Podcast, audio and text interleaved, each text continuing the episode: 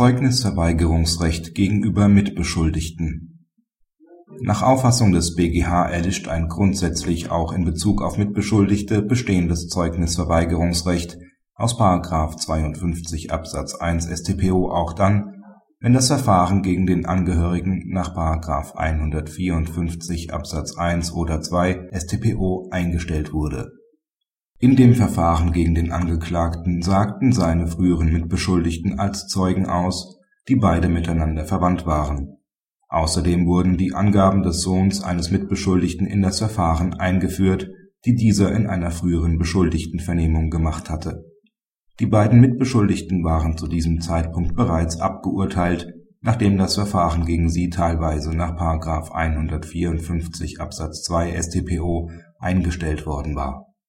die Revision des Angeklagten rügt, dass die Angaben der Zeugen nicht hätten verwertet werden dürfen, weil sie nicht gemäß § 52 Absatz 3 Satz 1 StPO über ein ihnen als Angehörige zustehendes Zeugnisverweigerungsrecht belehrt worden waren.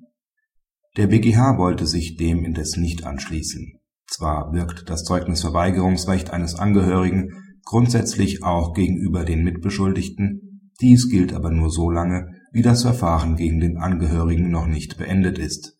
denn nach diesem Zeitpunkt besteht für den Zeugen keine Konfliktlage mehr, weil seine Angaben sich nicht mehr belastend auf den Angehörigen auswirken können. Nach Ansicht des BgH ist von einer Beendigung des Verfahrens in diesem Sinne nicht nur bei einer rechtskräftigen Verurteilung auszugehen, sondern auch im Falle einer Einstellung nach § 154 Absatz 1 oder 2 StPO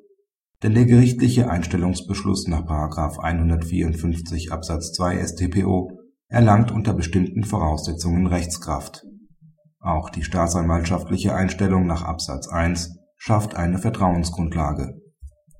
Zudem ist der Zeuge vor einer Konfliktlage bei der Aussage im Verfahren gegen den Mitbeschuldigten auch durch § 55 StPO geschützt. Daher überwiegt nach Ansicht des BgH in diesen Fällen das Strafverfolgungsinteresse so dass das Zeugnisverweigerungsrecht aus § 52 StPO im Verfahren gegen Mitbeschuldigte nicht weiter fortbesteht. Kritik Die Argumentation des BgH überzeugt nur zum Teil. Zwar mag es angehen, die Einstellung durch das Gericht nach § 154 Absatz 2 StPO wegen der sehr eingeschränkten Wiederaufnahmemöglichkeiten in ihren Auswirkungen auf das Zeugnisverweigerungsrecht mit einem rechtskräftigen Urteil gleichzusetzen dies gilt aber nicht für die Einstellung durch die Staatsanwaltschaft nach § 154 Absatz 1 StPO, bei der eine Wiederaufnahme bei Vorliegen eines sachlichen Grundes jederzeit möglich ist.